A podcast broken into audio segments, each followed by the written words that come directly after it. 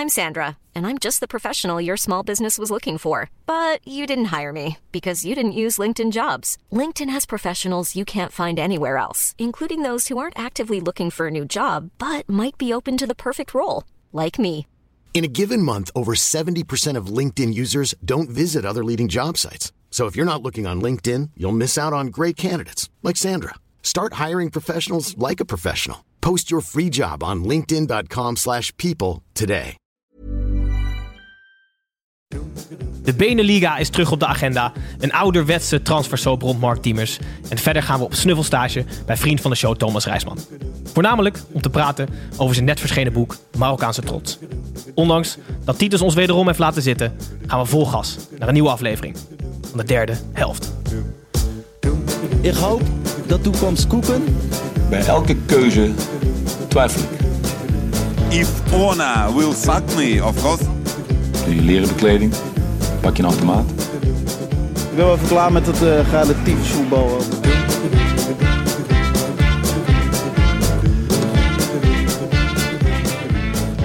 Hallo allemaal, Gijs hier weer. Titus met de staart tussen de benen vertrokken naar België volgens mij. Eh, hij laat ons weer zitten.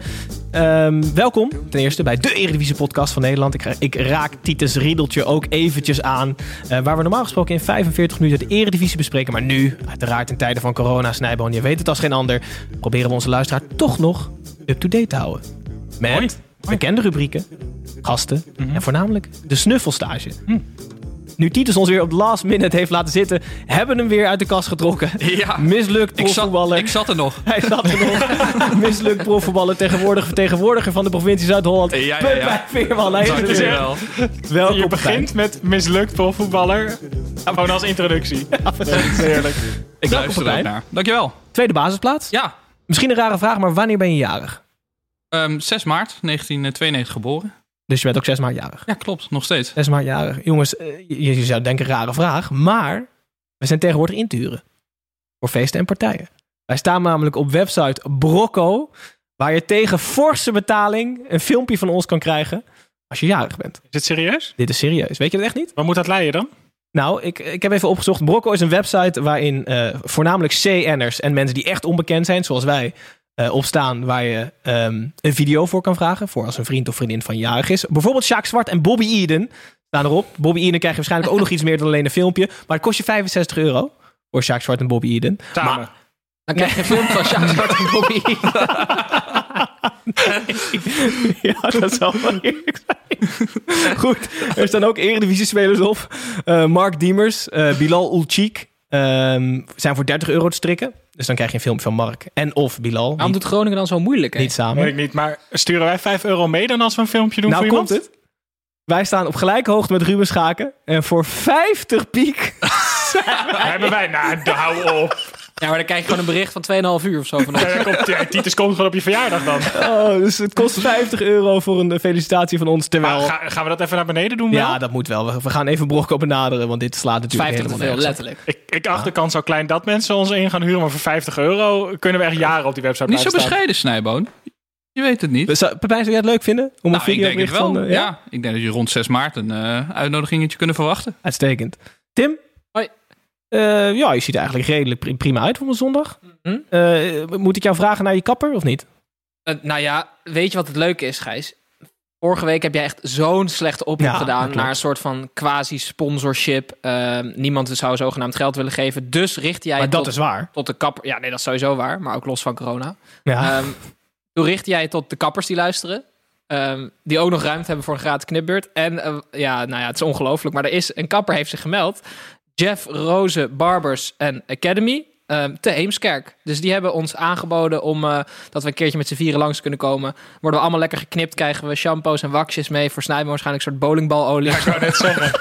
Het klinkt echt niet als een goede dinsdag dat ik naast Gijs in de kapperstoel moet gaan Nee, zitten. precies. Maar da- ja, als zo'n slechte oproep al werkt, wil ik even mij richten tot onze Turkse luisteraars. Hè? Oké. Zijn er Turken met een, met een eh, kliniek in transplantatie, dan kan Snijboon een keer aanschuiven misschien. Ga je dan zelf ook mee? Ja, is goed. Om te kijken. Ja, uh-huh. Hij kan niet veel slechter dan die van mij, maar deze was slechter, de oproep. Maar goed, we gaan dus met z'n allen eh, een keertje ons laten knippen door Jeff Roosboom en Academy trouwens. Hè? We zijn dus wel Jeff proefkonijnen. Rozen, niet Rozen. Jeff Rozen. Maar is Academy, dan word je dus gewoon geknipt door een 12-jarige met kniptalent of Precies, zo. precies. Dus we zullen zien. Het is wel echt leuk. Ik vind het echt eh, grappig dat eh, mensen erop gereageerd hebben. Dus dank daarvoor.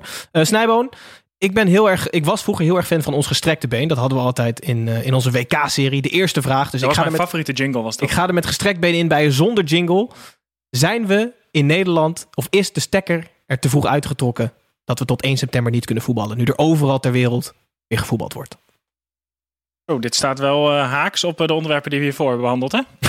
Ja, we moeten op een Ja, naar het voetbal. ergens, ja, oké. Ja, een hardcut doen we vandaag. Ja, zeker. Ehm, vraag, vraag je het aan mijn liefhebbershart of aan mijn rationele zelf?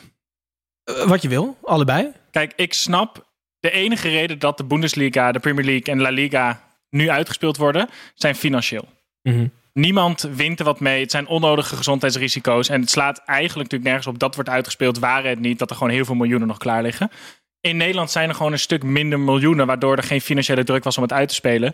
Waardoor ik nog steeds wel heel goed begrijp dat we niet voetballen. Maar ik heb gisteren Bayern Mönchengladbach gekeken. Napoli-Inter gekeken. En Barça tegen Mallorca. En dat was wel echt een fantastische zaterdagavondbesteding. Eh, dus mijn liefhebbershart vindt het heel fijn dat voetbal weer terug is. Maar ik snap wel dat we in Nederland gestopt zijn. Dus politiek correct. Ja, ik, ja, ik ben geen Tim, sorry. Nee. Tim had waarschijnlijk gelijk iets geroepen en mensen beledigd. Maar dat, Iemand anders nog een hele andere mening toegedaan, Pepijn? Ik sluit me er eigenlijk wel bij aan. Ik snap, ik kan het begrijpen. Maar ik moet zeggen, het bevalt me best wel weer de potjes zo. heerlijk toch? En ik moet eerlijk zeggen dat ik ben ook op betrapt dat ik het achtergrondgeluid van juichende mensen die er niet zitten ook nog best wel kan waarderen. Ik vind het Oh. super knap gedaan. Ja. Ja, maar mogen we dan ook... Oké, dan... ehm, bij La Liga hebben ze gezegd... Ja, we doen ook die animaties van die fans van FIFA. Maar ze hebben echt FIFA 98 gepakt of zo. Want het slaat helemaal nergens op. Maar spe- spelen ze in Rusland ook of niet? Weer? Nu dan toch- moeten ze die racistische dingen ook in dat, eh, op dat soundboard zetten. Anders is het niet reëel. Oké, Tim. Ja, maar dat vind ik dus wel. Dit is, dit, nou, ik had dus wel gelijk net met wat ik zei. Nijboon is geen Tim. Dan gaan we door naar. eh, dit, dit was een goed eh, lijntje naar onze eh, voetbal-update. Ehm, om te beginnen, groot nieuws afgelopen week. Deloitte is er nog maar eens ingedoken in de Beneliga. Hij is terug op de agenda. De clubs ehm, krijgen het rapport binnenkort echt in te zien. Wij hebben al een stukje kunnen zien en lezen. Ehm, Tim, wat is jouw gevoel? Heel veel kort uitleggen wat het precies gaat inhouden. Hoe ze nu voor zich zien. Ja. Eh, het is ook één competitie. 18 clubs. Eh, daarvan zijn eh 9 Nederlands. eh 9 uit België. Geen play-offs. Dus de eindstand is de eindstand na 34 wedstrijden. Ehm, de slechtste club uit Nederland en de slechtste club uit België... die degraderen direct. Mhm. De één na slechtste club uit Nederland en de één na slechtste club uit België spelen play-offs. Dus toch play-offs? De- ja, precies, voor degradatie. Zeker, Gijs. Ehm, het ga- ze hebben het idee om zeven Europese tickets te verdelen in die competitie. Wat leuk is. Ehm, kijk, het staat Ik buiten hoor, ik kijf. hoor het aan je stem. Nee, Snij, het, Snij, het staat buiten kijf dat als wij in Nederland, maar ook in België, een stap voorwaarts willen maken. Dus Mhm. iets dichter bij het grote geld willen komen. Dan moet er iets gebeuren. En kan dat, dat kan gewoon niet binnen de eigen landsgrenzen worden opgelost. Dat Mhm. geloof ik gewoon niet. Nee. Ehm, kijk, voordeel van de Beneliga is dat de omzet. Ze verwachten tussen de 250 en 400 miljoen eh, extra. Dat betekent een omzetstijging van 35% gemiddeld per club. Mhm. Eh, het aanzien van de competitie gaat denk ik omhoog. Eh, grotere clubs, ehm, hoger algemeen nive- algeheel niveau, waardoor de jonge talenten zich ja, meer weerstand, dus betere ontwikkeling. Mhm. Ehm, aansluiting bij de top 5. Want als dit zou gaan gebeuren, wordt het de zevende competitie op basis van die eurocoëfficiënten. Dus dat is wel interessant. Nadeel is, ehm, ja, logische nadelen. Veel derbies verdwijnen bijvoorbeeld. Nederlanders die hebben natuurlijk alleen een gevoel bij Nederland. Ze willen niet de beste zijn van Nederland en België. Want dat, ja, dat, dat gaat ons Maar welke, welke, zouden er, welke zouden er verdwijnen? Welke echte derbies? Want De Hondsrug derby bijvoorbeeld. nee, maar eh, zowel in België zijn er wel derbies. En in Nederland heb je natuurlijk ook NEC Vitesse. ehm Graaf, Die ook niet gespeeld wordt. die ook niet gespeeld wordt. Nee, maar kijk, de, eh, Ik snap wat je breder Ja, je punt. snapt, je snapt het punt. In dat artikel staat dat zij verwachten dat het fan-engagement dat dat toeneemt. Ik geloof dat eigenlijk Nee, niet. dat, dat denk ik ook niet. Maar daarom heb ik een eigen plan bedacht. En dat is een, ehm, eigenlijk een soort genuanceerde oplossing. Namelijk een halve Beneliga. Dus we beginnen. Één helft van de competitie speel je in Nederland. En dan heb je een soort kampioenspool. Wat ze in België nu ook hebben. Dus dan gaat de helft van Nederland, de bovenste helft. En de, de bovenste helft van België. gaan de, de rest van de competitie in een soort kampioenspool uitspelen. Waardoor je nog steeds ehm, meer, denk ik, prijzengeld, marketing, Een sponsors kan regelen. NBA playoffs. Laten we het inderdaad eerst een soort middenweg. En dan kan je ook kijken, werkt het ja of nee? In Ja. plaats van dat je in één keer zo rigoureus overgaat. Want ik denk dat de kans groter is dat je zo'n genuanceerd plan erdoor krijgt. Helemaal bij die hooligans. dan dit. Ja, maar het hele probleem is dan natuurlijk dat je echt alleen maar die topclubs heeft die meer geld eh, overhouden. Maar als ik op één punt, hè, want jij zei net, en dat eh, las ik ook terug, de slechtste Nederlandse club degradeert Ja. en de slechtste Ja. Belgische club. Ja. Ik vind dat toch even bullshit. Word je hè. elfde, vlieg je je, er kan toch dus uit. gewoon inderdaad elfde worden en degraderen. Ja. Maar Nee, negende. Maar Ja. Snijboon, dan heb, anders heb je binnen de kortste keer weer in de Eredivisie, hè? Maar dan moet je toch die hele Beneliga niet starten als Nee, dat de verwachting Dat is. is zeker waar. Uitgangspunt moet toch zijn dat die clubs ook aan elkaar gelijk zijn. Niet dat Ja. je daar nog tien jaar heen moet groeien. Ik vind het zo'n onzin dat je als twaalfde kan degraderen in die competitie dan. Nou, nog in de kinderschoenen, merk ik. Ja, nou, ze hebben mij ook niet gebeld nog. Ik, ga wel, ik, bel, ik bel hun wel maandag. Wat? Ik vind Maar het echt idioot. wat je zegt van de derbies en de charme verdwijnt, maar en ze zeggen in dat onderzoek het is goed voor de fanbase. Zou het versterken. Dit, eh, en die derbies deze- heb ik bedacht, hè? Ja, ja, ja. Maar daarom, want ik denk als je als Vitesse nu naar RKC moet, dan is het toch een mooiere pot om naar Genk te gaan dan naar RKC. Ja, misschien wel. Ja. Dus ik, ik zou niet. En dan heb je ook nog misschien het Nederland-België gevoel dat er nog een beetje overheerst. Dus ik, ik kan begrijpen dat dit juist de, de, de support versterkt. Omdat het een mooie Ja, ik competitie vind wordt het, en ik mooiere vind het zelf serieus wel een Ja. prikkelende gedachte. Alleen ik denk gewoon niet dat het realistisch is om in één keer van eh, deze situatie naar een 100% andere situatie te Nee, gaan. misschien niet. Maar durven wij hier nu aan tafel te zetten dat we te zeggen dat wij niet per se tegen een Beneliga zijn? Want het dat- is, het ik is ben echt nooit tegen een jarenlang, Beneliga het is jarenlang wel echt een taboe geweest, de Beneliga. Ik, eh, het enige, het gevoel wat ik een beetje krijg, en ik, ik denk dan even namens mijn geliefde FCM'en. Je kreeg al zoveel weerstand op, de, op, de, op het maken van de Europese Super League. Van echt alleen maar de elite van Europa. Dat dit is wel een soort tussenstap. Ja. Dus je- je raakt nu al wel de kleinere clubs raak, raak je kwijt. Die raak je gewoon uit het zicht. Ik zal dan Emmen niet vaak meer zien.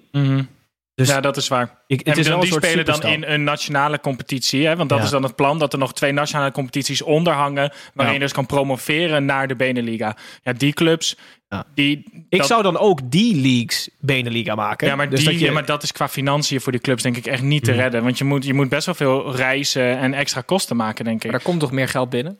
Er komt meer geld binnen, maar ik vraag me af. Voor, ik denk dat dit voor de kleine clubs wel echt risico's inhoudt. Want die hebben het financieel al niet heel makkelijk.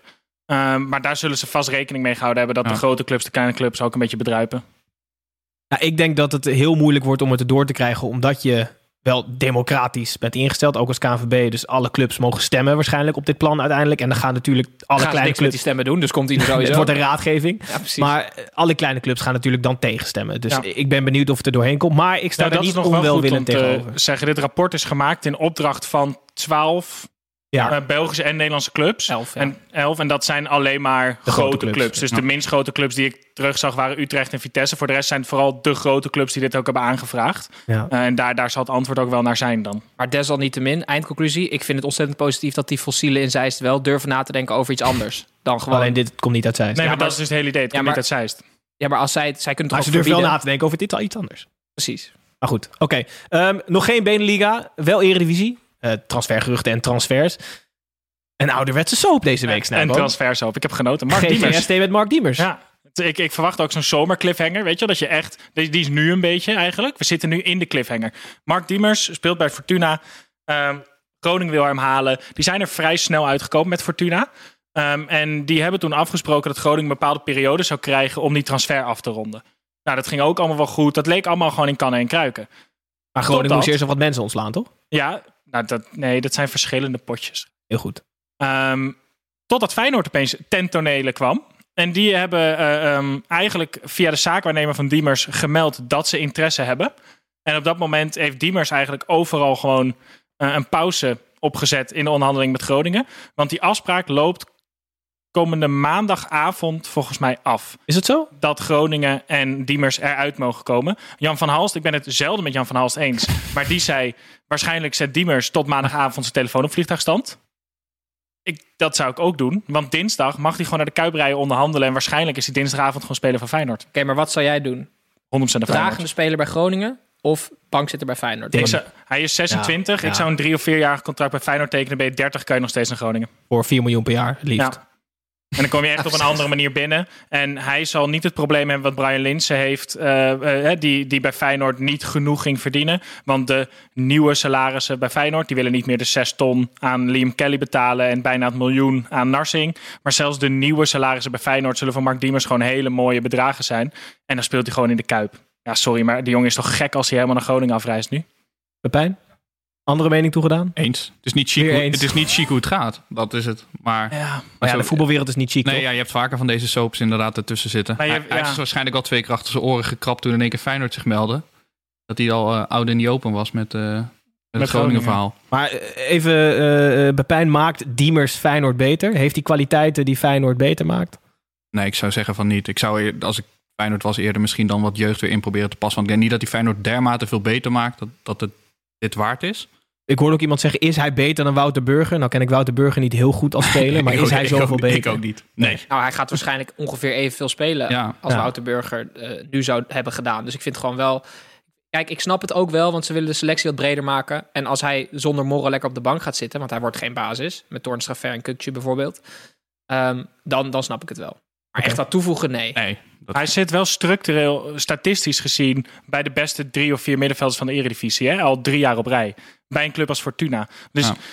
je zou verwachten, en we hebben vaak genoeg gezien dat het niet goed gaat. Maar je zou verwachten dat hij bij een, bij een club als Feyenoord nog meer de kans krijgt om wel... maar daar is dat hij niet helemaal het zien. mannetje wat hij bij eh, Fortuna wel is. En dan moet hij zich gewoon bewijzen als... eh, Ja, dat is waar. Ja, nou ja, maar in ieder geval vanuit eh, Mark Diemers. Lekker tot dinsdag wachten. Lekker tekenen in de Kuip. mooi. Genieten daar een paar jaar. Nog een, City.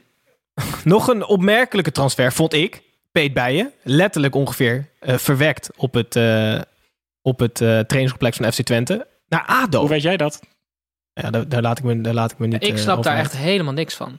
Nee? Dan speel je bij Twente, wat ondanks dat het nu in een, ja, in een hele vervelende, slechte periode zit. Dat is gewoon de enige Engelse club in Nederland. Gewoon een prachtig stadion, zeer leuk publiek, gebruiken veel drugs, echt heerlijke sfeer. ik, ik, ik zou altijd bij Twente hebben gebleven of echt een stap omhoog. Maar ADO is een stap ja, gewoon opzij. Maar kwamen ze er niet uit bij Twente? Of was het gewoon toe aan iets nieuws en toen dacht hij, nou, ADO.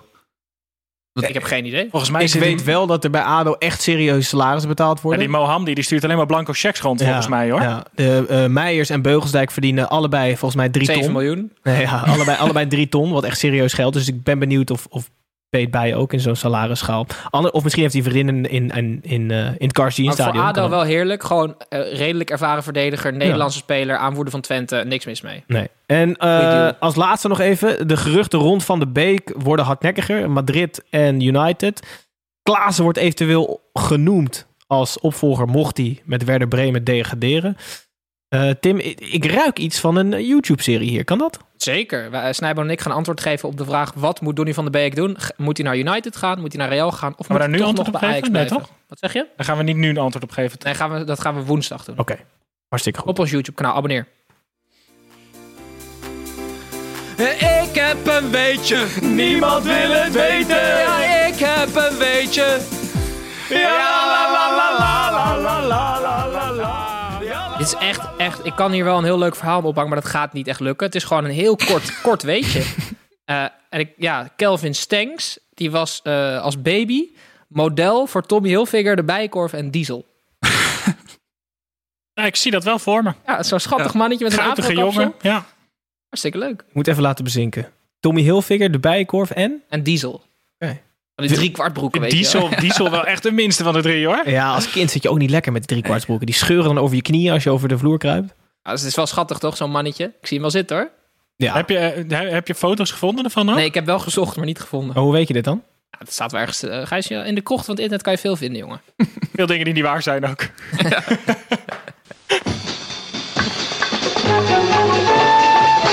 We laten het daarbij en we zijn aanbeland bij buitenspel. Dit was eigenlijk al buitenspel.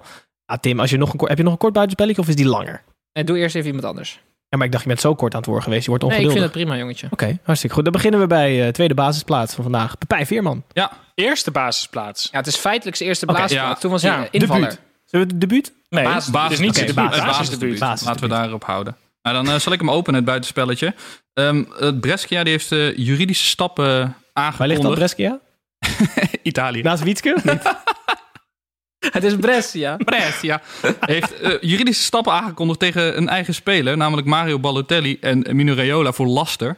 Want ehm, ik weet niet of jullie de beelden hebben gezien. Ba- Balotelli meldde zich op het trainingsveld en die werd weer weggestuurd. Want die kon geen medisch paspoort overleggen omdat hij ehm, geen coronatest had afgenomen. En dat heeft hij dus blijkbaar niet aangeboden gekregen van, eh, van Brescia. Brescia. Mhm. En dat vond Mino Raiola eh, racistisch en discriminerend. En nu suit Brescia. Eh, In Brescia weer Raiola en Balotelli voor laster. Omdat ze zeggen dat het nergens op slaat. Nee, maar dus het is een soap die nog eh to be continued. Maar was ik- het niet gewoon zo dat hij... Hij is volgens mij letterlijk onverzekerd. Als hij zonder die coronatest op het trainingsveld staat. Dus Ja. als er dan wat gebeurt, er worden gewoon nul van de kosten worden vergoed. Nou, is dat niet zo'n heel groot probleem met Balotelli, denk Nee, ik. maar bij Brescia wel. Dat is zeker waar. Ik denk dat Brescia minder rijk is dan Balotelli namelijk. ja, dat is zeker waar. Ja. ja. Ja, zeker. Interessant. Maar ik vind het toch jammer, want ik had gehoopt dat... Want hij komt uit Brescia, daar is hij geboren volgens mij. eh, dat, het was wel een mooi verhaal. Dat hij overal moeilijk was en dat hij dan, als hij thuis komt... eh, dat hij zich dan ging gedragen. Maar helaas loopt ook dit weer verkeerd. Dus nu eh, de volgende stap is China of Amerika, denk ik. Ja, ik vind, het ook, ik vind het ook zeer jammer voor het talent wat hij heeft. Maar goed, dat was mijn buitenspelletje. Misschien een blanco check van Mohamdi. Snijboon.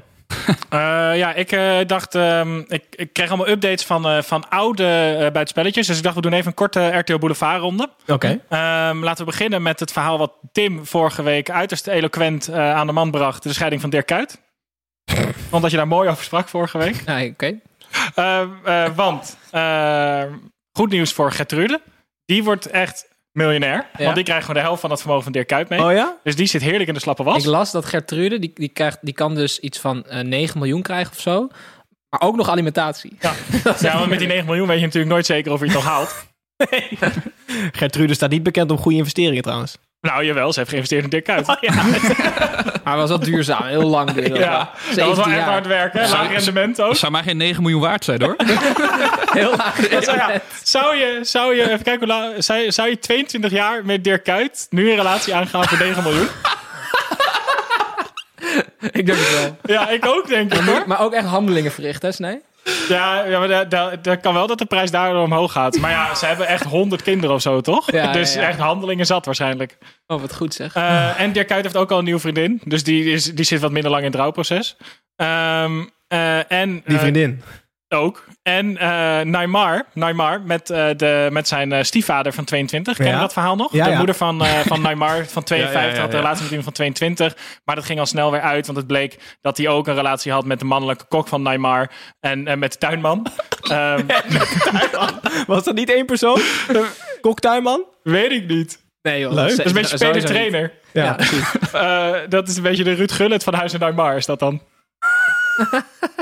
Ga maar Eh, door. maar slecht nieuws, want er zijn audioberichten uitgelekt van Neymar... die die man een, eh, een kleine flikker en een klootzak noemt. Ehm, dus dat eh, komt hem nu. En ik heb het even opgezocht, want je, je moet tegenwoordig je moet woke zijn, hè? anders word je gecanceld, Tim. Ja. Dus ik heb even opgezocht. En de LGBTQIA+, Ja, dat klopt. ehm, eh, groepering in Brazilië hebben Neymar nu aangeklaagd. Dus hij heeft een aanklacht aan zijn broek... omdat hij zijn ex-stiefvader van 22 heeft uitgescholden.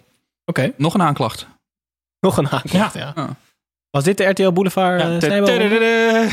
Heel goed. Dankjewel, Bridget. Ja. Eh, ja, ik heb iets Hoe fantastisch. heet die gozer ook weer, de Royalty Watcher trouwens? Mark van der Linden. Mark, Mark. Het wordt aan jou. Ja, dankjewel. Ehm de FHM, die hebben altijd zo'n verkiezing van eh, eh, mooiste vrouw. En ze hebben nu een soort voetbalvariant ook gedaan. Dus ik heb een vraag aan jullie. Eh, er is één eh, vrouw eh, uit de Eredivisie. Dus een voetbalvrouw van Mhm. een Eredivisie-speler is een mooiste vrouw. Eh, van welke Eredivisie-speler die nu speelt, is dat de vrouw, denk je? Ik heb dit ergens gezien, maar het is echt een hele onbekende, hè? Nou, het is vooral ongelooflijk. Beugelsdijk. Ah ja, nee, maar wel bijna. Nick Marsman. Nee. ja, Nick Marsman heeft het allerlekkerste wijf van alle spelers uit de Eredivisie. Letterlijk het eerste wat hij klem heeft dus. Nou ja, ik heb dat uiterlijk gezien. Dat is gewoon ballen met een grotere maat. Dus voor hem is het ook nog gewoon Trainen. handig om te trainen, ja. Maar Nathalie Den Dekker, zoek alsjeblieft op als je niks te doen hebt. Ook zeker Ook wel. Want, want het is gewoon wel echt ontzettend leuk. Ik heb Marsman weinig complimenten gegeven, maar Nick, oh, dit is fantastisch, jongen.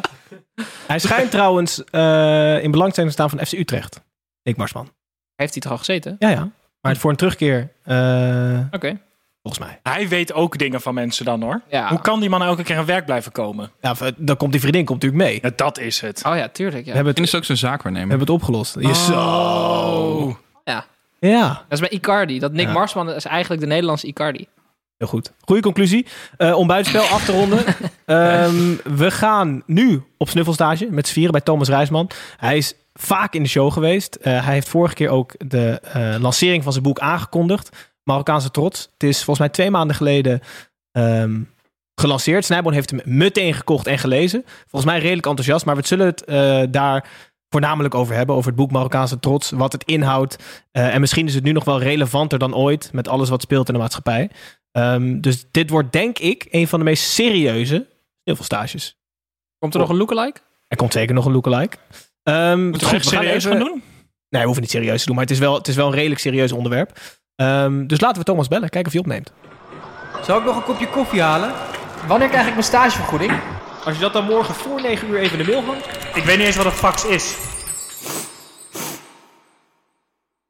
Inmiddels aangeschoven voor de god weet ik hoeveelste keer. Thomas Rijsman, Ja. acteur, podcastmaker, journalist. eh, maar voornamelijk natuurlijk grote vriend van onze show.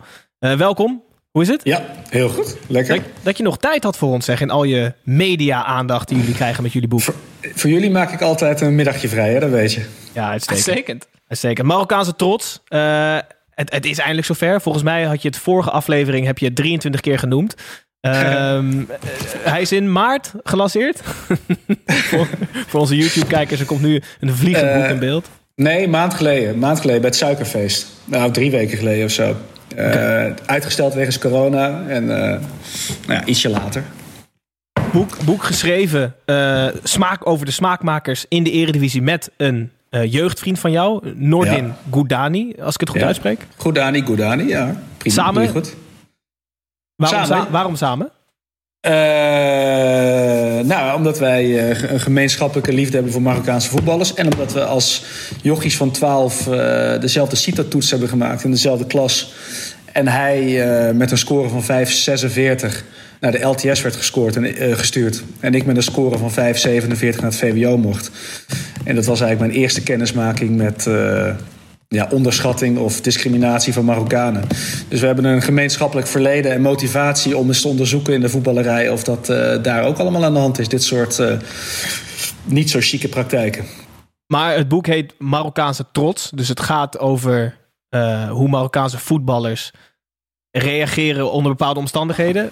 Ook Of, ja. of, of is het onderliggende soort van toch racisme, wat misschien onbewust in de voetballerij speelt? Of is het, of is het echt op de karakter van de Marokkaanse voetballer gespeeld? Nee, het is heel, het is heel veel. We hebben twintig mensen eh, ruimte gegeven in het boek om met ons te spreken. En het gaat over hun techniek, het gaat over straatvoetballen, het gaat over Marokkaans meisje zijn en de ambitie hebben om in Nederland elftal te komen. En het gaat eigenlijk in ieder gesprek ook, eh, heb je het gevoel dat je als Marokkaan met 1-0 achter staat in de maatschappij en ook in het voetbal. En dat komen, in meerdere portretten komt die thematiek terug. En eigenlijk, eh, nou, dan heb je het natuurlijk ook over Marokkaanse trots. Wordt die begrepen? Wordt die niet begrepen? Zit hij je in de weg? Helpt hij je? Kijk, Ziyech die ging vanwege gekrenkte trots niet voor Oranje spelen, maar voor Marokko. Dus dan is het op zich wel een hele interessante vraag. En zeker voor mij als kaaskop. Wat is Marokkaanse trots? En nou, dat hebben al die, eh, al die enorm goede voetballers... en iets minder goede voetballers soms... eh, mogen uitleggen aan mij en Noordin. Eh, we kregen een vraag van eh, Freek ehm, Ja. via de social media en over Ziyech gesproken. Hij wil weten of jij het gevoel hebt dat Ziyech's keuze voor het Marokkaanse elftal een opwelling eh, was. Een opwelling van Marokkaanse trots. Of gekrenkte trots. Nee, geen opwelling. Ik, we hebben Ziyech niet zelf gesproken, wel zijn zaakwaarnemer, heel uitgebreid, echt urenlang op de Zuidas. En daar hebben we het wel over gehad. Nee, ik denk als je dit boek hebt gelezen en ook als je de actualiteit natuurlijk volgt nu met Black Lives Matters, is dat er, eh, er is zoiets als microagressie. Dus dat is zeg maar dat je als je zwart bent of Marokkaan in Nederland, dat je keer op keer verspreid over je hele leven soms te maken krijgt met, noem het discriminatie, onderschatting, eh, stereotypering, vooroordelen. En als je dat telkens bij elkaar optelt, dan wordt dat iets, al die kleine dingen wordt iets groots. Dus ik denk dat bij Ziyech gewoon, die was heel trots dat hij voor Oranje mocht spelen eh, onder Guus Hiddink. Maar toen Danny Blind en Marco van Basten langskwamen en hem voor de zoveelste keer het gevoel gaven of het terecht of onterecht is, dat hij als Marokkaan niet oranje waardig genoeg was. Dat hij toen dacht, flikker maar op, ik ga lekker voor, eh, voor Marokko spelen. Dus je zou dat ergens een opwelling kunnen noemen van nu is genoeg. Maar het is natuurlijk een opeenstapeling van heel veel. Dus in dat opzicht is het eigenlijk een heel logisch gevolg, vind ik. Hey, en waren er nog ehm, spelers uit jouw boek?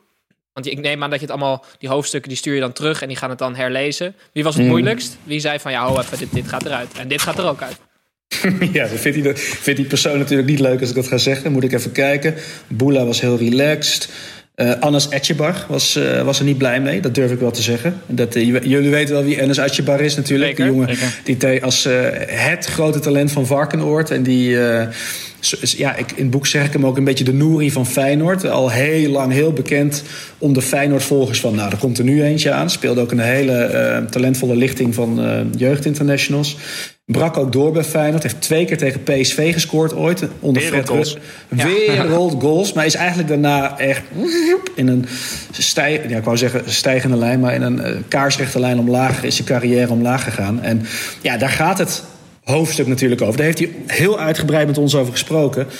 Alleen ja, toen het puntje bij paaltje kwam, toen hij het teruglas... dacht hij, ja, dit wil ik helemaal niet in de media hebben. Dit, uh, dit treurniswekkende verhaal. Waar zit hij nu? Roemenië ergens. En oh. ja, ik, ik, ik, ja, het is nu natuurlijk corona. Maar toen hij daar heel even zat, heb ik ook niet gehoord dat hij 28 keer gescoord had. Dus ja, ik, ik vrees dat dat uh, aflopende zaak is. Maar het was, een heel, dat was een heel leuk gesprek hoor. Het was niet dat hij vervelend was. Alleen ja, toen zijn zaakwaarnemer vooral, en ik geloof dat dat zijn broer is. Het teruglas, dacht hij: nee, dat gaan we niet doen. Maar uiteindelijk is het goed gekomen. Thomas, de drie, de drie voorop zijn uh, Idrissi, Iataren en, en Sier. Mm -hmm. Die heb je alle drie niet te pakken gekregen persoonlijk, volgens mij, of wel? Jawel. Uh, Idrissi wel. Oké. Okay. Het is okay. een van de Zover ben ik nog hoofdstuk. niet. Zover nee, ben nee. ik nog niet. Maar ja, waarom, zit... waarom was uh, Zier heb je wel geprobeerd? Ja. Waarom niet? Nou, is er ja, een dus reden naar buiten gekomen of niet? Nee, gewoon een formeel nee van uh, Ajax vooral. Uh, ja, kijk, wat, het, ons antwoord daarop is altijd, en dat is terecht hoor. Al die spelers hebben twee, drie, vier uur of zelfs meerdere keren met ons gezeten. Hebben heel lang uitgebreid gesproken met ons. En bij Ziyech wilden we dat ook doen. Nou, hij had die tijd niet. Hij wilde die tijd niet nemen. En het was in een moeilijke fase van Ajax dat we hem benaderden. Dus Hmm. toen ze van Willem II verloren. En dan zou hij al die toestanden van uh, begin Ajax-tijd moeten oprakelen. En dat in die periode van uh, het seizoen, ook met de Champions League toen... had hij daar waarschijnlijk geen zin in. Dus, uh, maar je had zich... toch ook, zeg maar, mensen hadden toch ook tegen hem kunnen zeggen van dit is wel een podium waar jij als grote Marokkaanse ja. speler jouw licht kan laten schijnen en mensen kan duidelijk kan maken hoe, hoe het zit in, in ja, zijn ik, ogen. Ik, ik, denk, ik denk ook, kijk, ja, ik, ik ben er niet bij geweest toen ze zaakwaarnemer of de club het hem voor, voorlegde. Maar ik weet een beetje hoe dat gaat. Dat gaat natuurlijk tussen de bedrijven Ja. door. En, en Ajax voelde het ook niet helemaal uh, wat we aan het doen waren. Dus ja, als degene, zeg maar de boodschapper, de tussenpersoon het niet goed uitlegt. Ja, dan, dan zegt zo'n Ziyech gewoon heel makkelijk, laat maar zitten. Ik denk als Ja. hij het leest, dat hij zeer vereerd is. En dat hij bij een volgende, eventueel op deel 2, wel zal ja zeggen. En inmiddels heeft wel zijn broer het boek eh, van Ziyech, eh, via ons. Want we hebben contact met zijn broer wel. Dus ik hoop dat hij eh, stukjes gaat lezen. Want iedereen is lovend over hem. En legt heel goed uit ehm, waarom het soms met hem zo is gegaan zoals het is gegaan. Alle ups en downs. Reisman, laat ik beginnen met uh, een mooi compliment voor het boek. Want heel veel verhalen die erin staan, zijn verhalen die als je ze los zou lezen, best wel makkelijk en zeker vanuit zeg maar onze, uh, mijn eigen positie als een soort van hoogopgeleide witte man in Nederland, best wel makkelijk ook weg te gooien zijn als, oh ja, maar dat kwam door karakterbotsing of dat kwam juist omdat diegene op dat moment verkeerd reageerde. Dus los zijn het allemaal soort van kleine vormen van racisme zijn er soms in terug te zien, waardoor het best wel makkelijk opzij te zetten is. Juist ja. door die 16 hoofdstukken denk ik dat je heel duidelijk in het boek ziet dat er wel echt iets achter ligt en dat het niet 16 keer toeval kan zijn dat zaken op die manier lopen. Dat ja. vond ik er heel mooi aan. Het andere wat ik er heel mooi aan vond is de namen juist van de mensen die nog niet zo bekend zijn. Um, en voor mij was het mooiste voorbeeld daarvan uh, Iwam Abali. Ja, Bali, ja. Meisje. Een verhaal over, het, uh, het, uh, over een vrouw in de voetballerij. Uh, en die het Nederlands elftal wil halen bij de vrouwen. Hoe zijn ja. jullie bij haar terechtgekomen? Heel eenvoudig. Ten eerste dank je wel dat je het zo gelezen hebt. Want dat, ik, kreeg, ik kreeg kippenvel van toen je het zei. Want dat is ook precies de intentie van... inderdaad, als je één zo'n verhaal hoort... dan is het heel makkelijk om te zeggen... ach ja, daar heb je weer zo'n verhaal... of het komt niet echt binnen, maar bij elkaar opgeteld... kun je er niet meer omheen. En binnen de context van waar het in de hele wereld nu over gaat... denk ik dat dat heel belangrijk is. Maar Ilem, uh, ja, Hugo Borst zei ooit op tv... waar zijn de Marokkaanse meisjes bij de Oranje Leeuwinnen? Terechte vraag, want... Uh, oranje, het grote Oranje is al decennia lang super multiculti. Maar dat, is, dat zijn de Leeuwinnen niet. Althans, niet met Marokkaanse meisjes. Nou, dan ga je turven. Waar zijn de Marokkaanse meisjes in de eredivisie? Dat zijn er maar vier of vijf. En Ilem werd uh, genoemd als de beste van al die meiden. De meest talentvolle. En dat is ze ook. ja, heel simpel eigenlijk. Dus dan ga je naar haar toe en ga je met haar kletsen. En... Um, Ja, echt een goed voetballertje hoor. Echt het is wel ja. echt, het is bij voorbaat vind ik het al zonde dat eh, zo'n talentvol meisje training krijgt van Sjaak Polak. Sjaak was wel heel gezellig om, eh, om, om te ontmoeten. En eh, die was helemaal gek van Ilem ook. Maar ja, hij had het alleen- alleen maar over, ik ga er helemaal fit maken en zo, zodat iedereen denkt straks is ze helemaal fantastisch en zo. Ja, ik denk Ja. Sjaak is ook, is ook niet echt, echt een voetbalmentor of zo. En Waarom zeg je dat, Tim? Die indruk heb ik. Nee, ja, dat is een, eh, misschien wel een vooroordeel. Ja, dat is waar. Ja. Wat ik me afvraag, je, hebben jullie er bewust voor gekozen om je eigen mening niet in dat boek te veel door te laten schemen? Het zijn gewoon interviews. Is dat er bewust eh, gedaan of denk je van ik brand me er ook niet aan of ik kan me er niet aan branden? Hein meteen kritisch, hè? Nee, nee, nee, nee, nee, nee, ju- juist niet. Juist, ik vind het heel mooi dat, dat je de mensen zelf hun mening laat vormen, maar Ja, Ehm, nou, het is heel. Ik, ik, in alle eerlijkheid, ik. We hebben die discussie ook gehad met, eh, met de redacteuren van, eh, die het boek eh, mij begeleiden met het schrijven van het boek, ons begeleiden. En tuurlijk werd er, hebben we soms wel eens afgevraagd: moeten we meer een weerwoord geven? Moet ik soms meer de rol spelen van eh, degene die kritiek heeft op zaken, of weerlegt of bevraagt? Maar ik genoot heel erg van het feit om te luisteren. En tuurlijk wel af en toe een vraag te stellen. Dus ik, uiteindelijk heb ik wel bewust gekozen om vooral te luisteren en die mensen aan het woord te laten. Eh, maar in alle eerlijkheid kwam ik ook niet zo heel vaak op een hele kritische vraag terecht. Omdat mijn nieuwsgierigheid groter was dan zeg maar, eh, de advocaat van de duivel gevoel dat ik zou moeten oproepen. Dus ik, we hebben dat wel bewust gedaan. En, en links en rechts zijn er sommige mensen die zich daaraan irriteren. Eh, of aan, eh, eh, die zich ergeren daaraan, die zich irriteren. Je moet altijd even nadenken. Ja. Tim En, zei, eh, hij, hij wilde al bijna inspringen, Tim. en, eh, maar er zijn ook heel veel mensen, zoals jij, wat jij nu zegt, eh, Pepijn, dat, het, eh, ja, dat ze dat prettig vinden. Dus ja, ehm, ik heb het heel bewust gedaan. Ik ben Ja. blij dat ik het zo heb gedaan. En was, merk je dat het voor jou moeilijker was om, om over dit onderwerp een boek te schrijven dan andere oh, onderwerpen? Dat niet. Nee, helemaal niet moeilijk. Nee, nee ik was heel, heel gemotiveerd om dit te schrijven. Omdat ik, eh, ik heb zelf ook een biculturele achtergrond als Belg. En eh, dat is natuurlijk niet vergelijkbaar met eh, Marokkaan zijn of Algerijn zijn. Of Amerikaan zijn voor mijn part in Nederland. Omdat België en Nederland best dicht bij elkaar liggen. Maar ik snap wel heel goed dat gevoel van ergens niet helemaal aansluiten op die Nederlandse maatschappij. En ik heb nooit last van anders zijn. Maar dat hebben die... eh, dat hebben de Marokkanen in Nederland wel. Dus, en ik, ik ben daar echt mee begaan en nieuwsgierig naar. Dus dat was eigenlijk heel makkelijk. Ja, mooi. Mag Ja. ik... eh, eh, was Anouar Diba, is die eng of niet? Ja, nee, ja, nou... want hij kwam weet- zo. Want oké, aan het begin van jullie gesprek vertelt hij dat hij net eh, door twee mensen op een motor of op een scooter is achtervolgd naar huis. En Ja. het enige wat hij daarover zegt is: Ja, het, het boeit mij niet zoveel, maar ik vind het wel vet dat ze weten waar mijn kinderen wonen. En Ja. ik zie dus voor me dat hij dat dan heel rustig vertelde. En Heel rustig, ja, dat ja, zeker. dat, dat, ik word dan wel gelijk bang voor iemand. Als Ja, iemand, als iemand zoiets overkomt en die blijft daar heel rustig onder. Hij, hij zei ook, ik kom van de straat en daar willen we liever dingen voorkomen dan oplossen. En dat zei hij ook heel, heel rustig. En heel, ik weet nog heel goed, wij gingen met Diebe afspreken. En Noordin is, eh, is ook niet straat-straat, mijn co-auteur Noordin. Eh, maar is wel veel meer straat dan ik. En ik, ben gewoon een, ik ben gewoon een kakker. eh, jij, bent- jij bent meer laan, ben jij? Ja, precies. Avenue. maar, dus Noorden die ging heel goed op die vibe van, eh van Diba. Want die ratelde eh, gewoon geen zwart of eh, geen grijs tinten, zwart-wit. En bam, bam, bam. En zo is het toch gewoon. En wij op straat. En ik heb alles gezien. En ik weet hoe het, is om armoede te hebben. Ja, ik was leeggezogen na twee uur. En ik was ook een. Eh, wat was je vraag ook alweer? Nee, ja, dus ik, ik was blij dat het gesprek voorbij was. En ik heb hem laatst weer gezien. Zaten we bij hem thuis. eh, ik weet nu ook waar hij woont. En daar is hij niet zo bang voor trouwens. Maar jij, Eh, jij kwam in een bureau aanrijden in plaats van op een motor, toch? ja, ja, precies. En ja, toen was ik na anderhalf uur was ik weer helemaal leeggezogen, joh. Maar ik, lees, ik lees nu hele... Nou ja, zo is hij gewoon. En eh, ik vind het eigenlijk wel heel mooi. En daar, daar had ik ook... In de Volkskrant werd gezegd dat Diba alleen maar onzin ratelt in dit boek. En dat vind ik echt minachtend van die recensist Paul Onkhout. Eh, verder uitstekende, eh, Heeft hij, column. heeft hij je toen een appje gestuurd op je wilde lunchen, of niet? Dat doen recensenten, toch? Ja, precies. Nou had ik wel iets anders met hem moeten doen, vrees ik ook. Ehm, Uh, maar joh, ben eens nieuwsgierig waar dat gedrag van Diba vandaan komt. En waarom die dingen zegt zoals hij ze zegt. En be, be, ga nou niet altijd bedenken of het helemaal waar is wat hij zegt. Maar bedenk eens waar die vandaan komt. Hoe die, waarom die de dingen zo zegt. Dat is veel interessanter. Want dan ga je hem veel meer begrijpen.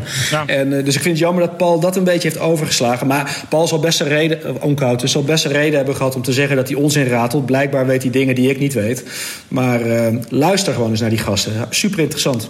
Hey, is de Black Lives uh, Matter beweging um, een geluk bij een ongeluk voor jou of niet? Ja, ja. ja dan vraag je me. Ja, ik moet eerlijk antwoorden. Nou, je, mag, uh, je, mag wel, je mag de vraag wel nuanceren. nee, het, tuurlijk, jawel. De, de, omdat de thematiek in het boek deels ook heel erg aansluit op wat uh, de zwarte bevolking wereldwijd uh, meemaakt. Uh, dat, dat, dat zijn dezelfde mechanismes. Het is natuurlijk niet één op één vergelijkbaar. Uh, dat, dat, heeft echt wel een andere context, een ander verhaal. Um, maar is het een, een, blessing in disguise? Aan de ene kant wel, want hey, het boek sluit daarop aan. Aan de andere kant, ja, het gaat nu over de zwarte bevolking en wat zij meemaken. En als wij dan komen zeggen, ja, maar Marokkanen hebben ook. Dat, dat voelt een beetje raar. Dus ja, mm -hmm. ja ja, nee. Het maakt het palet wel breder. Als in, ik, ik, ik vond het wel, ik heb het afgelopen week uh, uh, helemaal gelezen. Het, het, het verbreedde wel mijn perspectief op de zaken weer. Ik zal, het niet, ik zal niet zeggen, als je het leest, dan hoef je je niet bezig te houden met alle andere dingen die gaande zijn. Maar nee. het is niet slecht voor hoe je de zaken ziet, durf ik wel te zeggen. Nee, ja, en, en de boekhandels liggen nou vol met van die tafeltjes met boeken zoals die ik nu zelf ook aan het lezen ben over jong, uh, zwart zijn en uh, mm-hmm. succesvol zijn en weet ik het allemaal. En wij zeiden tegen de uitgever: moeten we nou niet proberen dit boek op hetzelfde tafeltje te krijgen? Maar ik, ik, ik, ik snap dat wij die vraag stellen, maar ik snap ook dat mensen zeggen: nee, dat boek hoort niet op dat tafeltje thuis, want ja, dan, dan kun je net zo goed alles erop gaan leggen. Maar het past er wel bij. Hey, heel veel mensen in het uh, boek leer je op een uh, andere manier kennen. En bij de meeste mensen vind ik dat uh, ontzettend interessant. Um, ik schrok er wel van hoe positief Mohammed Hamdi naar voren komt. Want als ik die in interviews zie en over het algemeen voorbij zie komen op tv, vind ik dat gewoon een hele rare en enge man. Maar in jullie boek lijkt hij dus best wel aardig. J echt, jullie. Ik heb wel een van jullie geappt. Van wat zijn jullie negatief over die Hamdi, joh? Ja, wat, maar, is er, wat, heb, wat, hebben jullie tegen Hamdi? Maar, ja, maar los, eh, los van, uh, van uh, Marokkaanse trots of wat dan ook, is dat toch gewoon een hele rare vogel, die man? Nee. nee. Ja, maar dat... waar, waar baseer je dat op? Ja, goeie, ja, dank je. Uh, ik denk omdat die um, excentriek is en omdat het Misschien ook omdat het gewoon heel slecht bij ADO liep... en dat je daardoor een soort in je hoofd een soort 1 en 1 is 2 gaat doen... dan zal Mohamdi wel, wel slecht leiderschap aan die club... Uh, leiding geven aan die ja. club. Ik weet ook niet per se waar het op gebaseerd is. Maar, ja, maar dit gewoon... is dus wel precies... en nu worden we heel serieus... maar wat het probleem is, toch? En ik weet dat je het niet bewust nee, doet, maar, maar onbewust nee, valt nee, dit toch. Nee maar, ik heb, nee, maar ik heb ditzelfde heb ik ook met die voorzitter van Telstar. Vind ik ook gewoon een hele rare vogel. Omdat, misschien gewoon dat het hele andere figuren in de voetballerij zijn. Ja, en, en ook omdat uh, Snijboon en ik zitten redelijk in de voetballerij. Mohamdi kwam vanuit het niets en die kreeg in één keer een ontzettend voorname functie bij ADO. Um, hij ziet er niet ontzettend representatief uit. Dat um, maakt niet uit. Dat maakt niet uit, maar die combinatie van alles, dat, ja, ik snap Snijboon wel. Hij kwam, hij kwam, niet uit het niets. Hè? Dat, dat, dat wordt in het boek wel uitgelegd. Het hele voortraject, dat heeft hij helemaal uitgestippeld. Ja. En daar, daar zit gewoon echt wel... Hij heeft echt een stip aan de horizon gezet. En daar wil ik heen. En dat is hem gelukt. Dus hij, het tegendeel, het komt helemaal niet uit het niets. En dat hij, ex, dat hij niet representatief eruit ziet, dat, dat, dat klopt een beetje. Want mijn eerste indruk toen ik hem zag de trap aflopen... in het stadion van Den Haag... Met dat Red Bull blikje. Hij had een Red Bull blikje in zijn hand en, uh, en, en uh, had niet een driedelig pak aan. Maar ja, wat ik ook een beetje met Diba heb... Uh, eigenlijk moet ik me daar dan zelf even overheen zetten... en bedenken waarom ziet hij eruit zoals hij eruit ziet... en waar komt hij vandaan. En, en, en dus als iemand anders is dan jij... of anders praat of uit een andere achtergrond heeft... dan moet je dat eigenlijk in je hoofd heel even jezelf corrigeren... je onderzoek doen over je vooroordelen misschien... of over je ja, generalisaties heen stappen. En als je dan nog steeds vindt dat het een rare vogel is... die niet capabel is, en weet ik veel... ja, dan, dat, dat, dat is dan een leg legitieme conclusie. Maar het verbaast me wel dat veel mensen Hamdi... Uh, een rare vogel vinden. Had hij de pech natuurlijk dat ADO slecht ging. En mm -hmm. ik wil niet zeggen dat jij nu Hamdi een, een, niet goed genoeg vindt voor ADO... of op die positie überhaupt, omdat hij Marokkaan is. Maar het zou best interessant zijn om je vraag die, is, om je vraag die kritisch aan jezelf te stellen. Wat gebeurt er in mijn hoofd waarom ik dat zeg? Nou, dat heb je net gedaan en dat is heel mooi. Um, nou, ik hoop dat dat soort reflecties, daar, dat het boek daartoe uitnodigt. Ik denk niet dat... slechter over hem, nee. dus dat is, dat is dan gelukt. Even iets, eh, even iets anders. Volgens mij was FC Den Bosch eh, Excelsior de eerste wedstrijd ooit die stil werd gelegd eh, in Nederland in verband met racisme.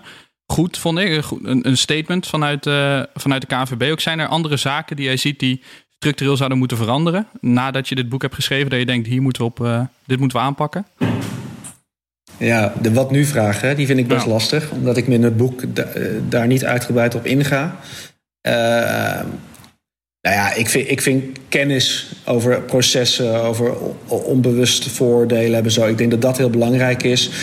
In het, in het boek zegt, eh, vertelt Aldi Ramsi daar iets over. Dat ze bij de opleiding van PSV, de trainers, daarin begeleid worden. Door wetenschappers of psychologen. Ik denk dat dat heel belangrijk is. Dus ik, ik heb ook contact met de KNVB, die ook geïnteresseerd is om dit boek eh, t- eh, uit te delen onder ehm, Tegen, beta- trainers. tegen betaling, of Ja, dan wordt het toch een bestseller, hè? Uit te delen Ja. tegen dubbele prijs. Daarom. Eh, dus eh, nee, ik denk dat het gewoon kennis eh, over wat er gaande is en wat eh, processen. Dus dat, eh, dat lijkt me heel prima. Laatste vraag, Thomas. We moeten helaas afronden, want we hebben nog 45 seconds sowieso te spelen. Als je één ding eh, aan onze luisteraar moet vertellen wat dit boek jou heeft gegeven, wat is dat? Het schrijven van het boek. Oh, het schrijven. Nou, ik, ik voel me echt verrijkt. Ik, eh, en ik, ik, ik, ik, ik word in sommige kringen al Toefik genoemd.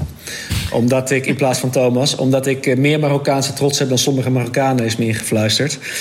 Ik, ik heb gewoon echt een hele mooie kant van de Marokkaanse trots gezien. En ik hoop dat, eh, dat heel Nederland eh, nu eens gewoon de moeite doet om dat te gaan zien. In plaats van blind te staren op het negatieve kant van Marokkaan zijn of Marokkaanse trots. Dus eh, dat heeft me vooral gebracht. En er schijnen nog wel een paar te liggen, toch? Dus mochten de luisteraars hem willen kopen, die kunnen hem gewoon, eh, kunnen hem gewoon vinden. Geef er eentje weg morgen voor als je het nog niet wist. Thomas. Is dat echt waar? Ja, tuurlijk. Ga Oké, even lekker Tuurlijk. Ja, ja, ja. Doen we dat met een prijsvraag dan, of doen we gewoon alleen een retweet? Genoeg? misschien een retweetje kunnen we ook wel een keer doen. Mensen, volg ons op Twitter. Oké, zo. hartstikke goed. Nou, leuk. Nou, dan gaan we Mooi, nu naar het hoofdonderwerp, 45 seconds. Ehm, Een mooie intro was dit. Thomas, je hebt eh, de namen, op papier zelfs. Ja. Ehm, je weet dat eh, Pepijn vandaag zijn, hoe hebben we het nou genoemd? Zijn Basisdebuut. maakt Ja, de in de vuurdoop. podcast. Ja, de vuurdoop. ja. Nou, er is geen betere manier om hem eh, om te dopen dat jij die spelers beschrijft en dat hij ze moet raden. Dan hou ik de klok erbij. Dan tel ik zo meteen af. Ja. En dan gaan we beginnen. Sorry alvast. Vijf, vier, drie, twee, één, go. Commentator bij Ziggo Sport, vriend van de show. Wietske. Ja, Wietske. Kaal, trainer van Feyenoord geweest, nu in Amerika Jaap trainer. Stam. Eh, niet kaal, langste staart eh, van de eredivisie Stijn ooit. Nee, speelde bij RKC, Cambuur, NEC. eh, Robin. Nelissen? Nee, Nelissen? Nee. Nee. Oké, volgende. Ook een staart, meeste gele kaarten ooit in de eredivisie. Speelt bij Vitesse, Twente, NEC. Vre- ehm, ja, Vreven toch? Nee. Nee, oké, volgende. Rechtsback Oranje WK finale 2010. Jongste van het elftal volgens mij. Toen Paris Saint-Germain, Ajax. Van de Wiel. Ja, eh, Spaanse kuitenbijter bij Willem II middenveld. Eh, Volgende, volgende. eh, nu Twente bij Ajax uitgescholden door eh, Erik ten Hag. gewoon Helaas, helaas, helaas, helaas. Zijn we er al doorheen? Ja, tuurlijk. Oh, man. En ruim. Oh, Dit is het gewoon niet voor mij. is oprecht. Helemaal verdriet. Ik ben meer van een goed gesprek, denk ik. Oh. Nee, het was sowieso een goed gesprek. Eh, we- we- Fantalk, we hebben de meeste vragen al behandeld. Eh, want het ging namelijk voornamelijk over het boek. Ehm, Drie stuks, hè? Even, even die, die, de twee mannen met staart. Nee, de een- eentje was René van Rijswijk. En de andere Ja. Of nee, Pothuizen. Pothuizen. Pothuis. ja. Patrick Pothuizen. Patrick Die kende ik Pothuizen. alleen Meeste zonder staart. kaarten. 84 gele kaarten. Nice. Leuk. Prima. Hey, eh, ja, we zijn er doorheen. Hebben we zijn- nog één vraag, Ventalk of zo? Dat is toch leuk? Als jij er nog één uit je achterzak kan toveren, dan mag jij Oké, hem ja, ik heb er nog wel een aan, eh, aan de Reisman. Ehm wiens plafond ligt hoger? Ziyech of Ihataren? Oeh, moeilijk. Hmm. Eh, ik denk... eh, ja, ik ben zo fan van Ziyech. Nou, ik denk toch Iataren. Heerlijke decoy. En voor ik het vergeet, jongens, we zijn er vorige week al vergeten, de lookalike. Jezus, Oh, inderdaad. man. Net op tijd, Thomas, je hoort geen jingle. Ehm, het, eh, uiteraard, het ging over Marokkaanse trots, dus er is geen betere mogelijkheid dan een eh lookalike uit Mokromafia. Muis, hoofdacteur, lijkt sprekend echt, ik vind hem echt sprekend lijken. Hij is ingestuurd door Jip Jesse op... eh, Even ten Apel. nee, niet op Even ten Apel. Op, eh, hoe heet die snijbal van Lyon? Awar? Ja, dat ligt eraan wie je bedoelt. Ja, Aouar bedoel ik. Oké. Dan Dan is het en Aouar. Muis. Dankjewel voor het insturen, Jip. Thomas, dankjewel voor het inbellen. Toffie Krijsman, hè? Eh Rijsman, Tovik. dankjewel. We geven 28 boeken weg morgen van je, daar ben je er ook vanaf. Komt Bij één allemaal goed. retweet krijg je 16 boeken. Thomas, bedankt. Eh, succes. jullie ook. Eh, tot volgende keer. Pepijn. Tje. Ja, oefenen zou ik zeggen. Blijf oefenen. Blokken. Blokken wordt dit. Heb je, Dank 30, u wel. se- heb je 30 seconds thuis? Want als je dat Dan ben ik oefent, heb je bizar daarna gewoon goed in. 15 seconden nog over. Oké. Nee, gewoon, precies. het is goed zo. Dit bewaren voor we na de bezinnen. show. Dankjewel voor het luisteren. Tot volgende week.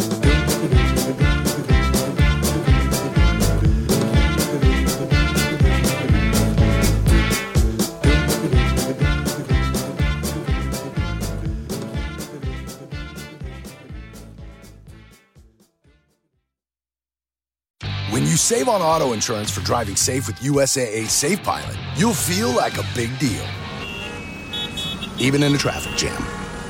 Save up to 30% with USAA Safe Pilot. Restrictions apply. Planning for your next trip? Elevate your travel style with Quince. Quince has all the jet setting essentials you'll want for your next getaway, like European linen, premium luggage options, buttery soft Italian leather bags, and so much more. And is all priced at 50 to 80% less than similar brands. Plus, Quince only works with factories that use safe and ethical manufacturing practices. Pack your bags with high-quality essentials you'll be wearing for vacations to come with Quince. Go to quince.com slash pack for free shipping and 365-day returns.